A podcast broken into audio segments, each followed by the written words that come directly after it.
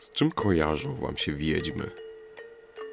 Zapewne z długim, szpiczastym nosem i czarnym kapeluszem. Te, które spotkali Niemcy podczas II wojny światowej, zamieniły latające miotły na samoloty, a złowieszczy chichot na ogłuszający huk eksplodujących bomb. Poznajcie historię nocnych wiedźm, 46. Tamańskiego Pułku Nocnych Bombowców.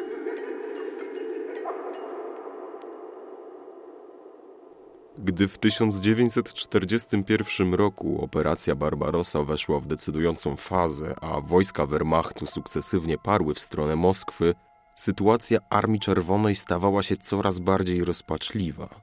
Wysokie straty w ludziach i sprzęcie zmuszały radzieckie dowództwo do chwytania każdej możliwej okazji na zatrzymanie niemieckiego natarcia. Podczas gdy mężczyźni nieustannie oddawali życie na froncie, ich żony, matki oraz córki pałały coraz to silniejszą rządzą zemsty. Początkowo jednak rola kobiet w działaniach wojskowych ograniczała się jedynie do pomocy w jednostkach łączności lub służbach sanitarnych, a perspektywa kobiety żołnierza wywoływała na twarzach czerwonoarmistów uśmiech politowania.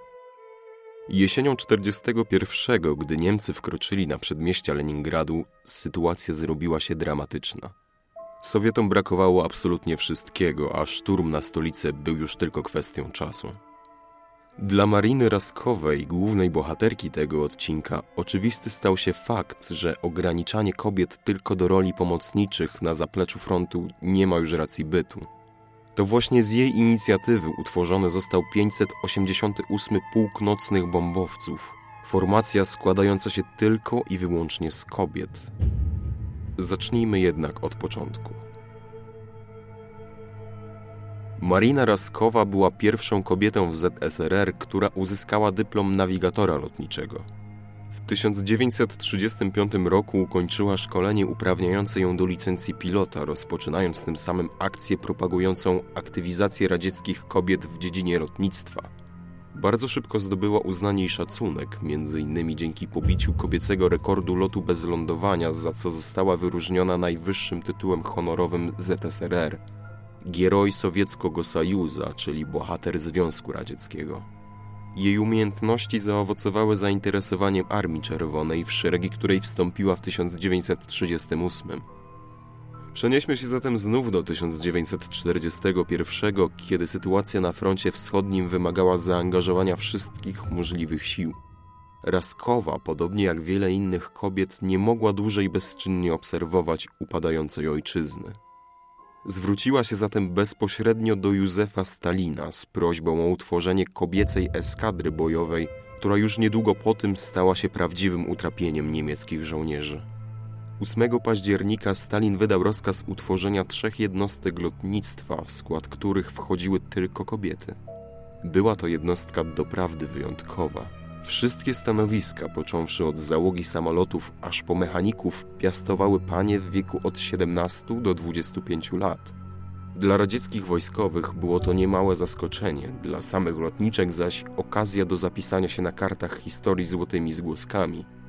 Tym samym ZSRR stało się pierwszym krajem, który oficjalnie zezwolił na udział kobiet w bezpośredniej walce.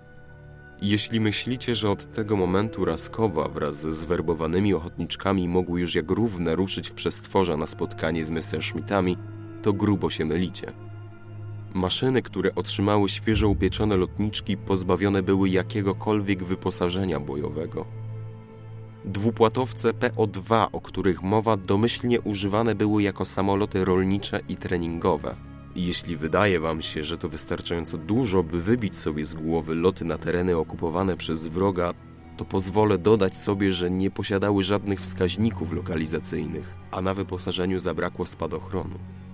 Wartość bojową PO2 jeszcze bardziej obniżały materiały, z których zostały wykonane. W odróżnieniu od migów oraz jaków pilotowanych przez mężczyzn, samoloty eskadry raskowej składały się głównie z drewna i płótna, Trafione stawały w ogniu jak zapałki, dlatego ataki tej formacji wymagały specjalnej taktyki. PO-2 nie miały żadnych szans w bezpośrednich starciach z niemieckimi myśliwcami, dlatego też kobiety zmuszone były przypuszczać ataki w nocy. Mimo to waleczne lotniczki z 588 pułku znalazły sposób na uprzykrzanie życia żołnierzom Wehrmachtu. Z uwagi na niewielki udźwig samoloty PO-2 mogły wznieść w powietrze niewielkie ilości bomb, dlatego też celem nalotów stały się głównie składy paliw, łaźnie czy kuchnie polowe. Zatem wszystko to, czego brak mógł najbardziej osłabić morale niemieckiego żołnierza. Jak już wspomniałem, prymitywne radzieckie maszyny były niezwykle podatne na ostrzał, zwłaszcza artylerii przeciwlotniczej. Zatem nocne ataki nie były jedynym środkiem ostrożności, jakie przedsięwzięły radzieckie lotniczki. Podchodząc do manewru nurkującego tuż przed zrzutem bomb, wszystkie światła gasły, a moc silnika zmniejszana była do minimum, przez co odbywały się niemalże w absolutnej ciszy. Taktyka całkowicie dezorientowała Niemców, sprawiając wrażenie, jakoby nalot pojawiał się znikąd za sprawą demonicznych sił. Owiany złą sławą 588 Pułk Bombowców Raskowej zdobył dzięki temu wśród Niemców przydomek Nachthexen, czyli Nocne Wiedźmy. Przypadł on Rosjankom do gustu tak bardzo, że stał się dla nich powodem do dumy. Taki sposób działania wiązał się jednak z poważnymi konsekwencjami. Kobiety doskonale zdawały sobie sprawę z nienawiści, jaką pałali do nich Niemcy. Nie było zatem mowy o awaryjnym lądowaniu na terenie wroga, a już z pewnością o dostaniu się w niewolę. Kobiety służące na pierwszych liniach frontu Niemcy nazywali Flintenweib. Było to pogardliwe określenie, które można przetłumaczyć mniej więcej na kobietę uzbrojoną w broń palną. Zaledwie 7 dni po rozpoczęciu operacji Barbarossa niemiecki feldmarszałek Günther von Klüge wydał bezpośredni rozkaz rozstrzeliwania każdej kobiety ubranej w mundur. Nieco później niemieckie dowództwo wydało kolejny rozkaz, wedle którego każda kobieta żołnierz miała zostać zabita natychmiastowo przy pojmaniu. Równie częste były przypadki gwałtu i niezwykłego okrucieństwa na pojmanych kobietach tuż przed egzekucją. Z uwagi na to pilotki w krytycznych sytuacjach decydowały się na popełnienie samobójstwa przez celowe roztrzaskanie samolotu o ziemię. Warto wspomnieć także o morderczym tempie akcji wykonywanych przez nocne wiedźmy. Zaledwie dwie bomby, które była w stanie zabrać ze sobą załoga jednego dwupłatowca, powodowały niewielkie zniszczenia. Konieczne było zatem zintensyfikowanie nalotów do granic możliwości. Nierzadko zdarzało się, że dwuosobowa ekipa PO2 startowała jednej nocy aż 15 razy, a przerwy między kursami trwały zaledwie po kilka minut. Wiedźmy brały udział w jednych z największych starć Wielkiej Wojny Ojczyźnianej, między innymi w bitwie o Kaukaz oraz operacji krymskiej, wykonując w sumie ponad 23 tysiące misji. W lutym 1943 formacja została przemianowana na 46. Gwardyjski Pułk Nocnych Bombowców, a kilka miesięcy później, w październiku tego samego roku, na 46. Tamański Gwardyjski Pułk Nocnych Bombowców, z uwagi na istotny wkład w walce o Półwysyp Tamański. Okresie świetności w skład pułku wchodziło 42-osobowych załóg – Niestety, z uwagi na przestarzałą technologię i ryzykowny sposób prowadzenia nalotów, życie straciło 30 z nich. ZSRR włożyło wiele pracy, aby nocne wiedźmy stały się symbolem radzieckiej odwagi i poświęcenia dla ojczyzny.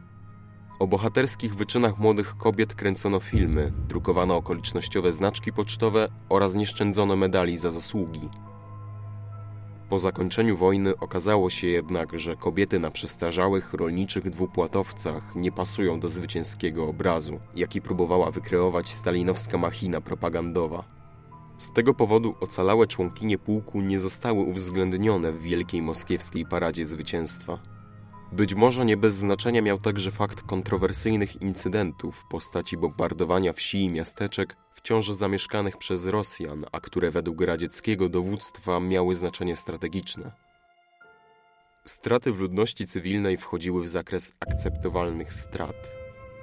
Na te zarzuty młode Rosjanki odpowiadały krótko.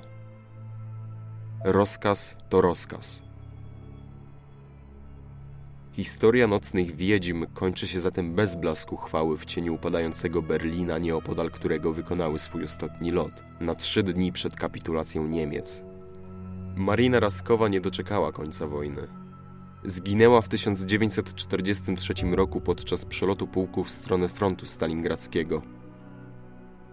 Podczas jednej z powojennych parad na Placu Czerwonym obecny tam generał Dwight Eisenhower, patrząc na nieszczęsne samoloty PO-2, podsumował postawę radzieckiego dowództwa jednym prostym zdaniem. Trzeba nie kochać kobiet, żeby pozwolić im na latanie takim samolotem. Jeżeli zaciekawił Was ten materiał, polecam krótką animację duńskiej produkcji Nachthexen, dostępną m.in. na YouTube, która przedstawia historię nocnych wiedźm w ciekawej oprawie wizualnej.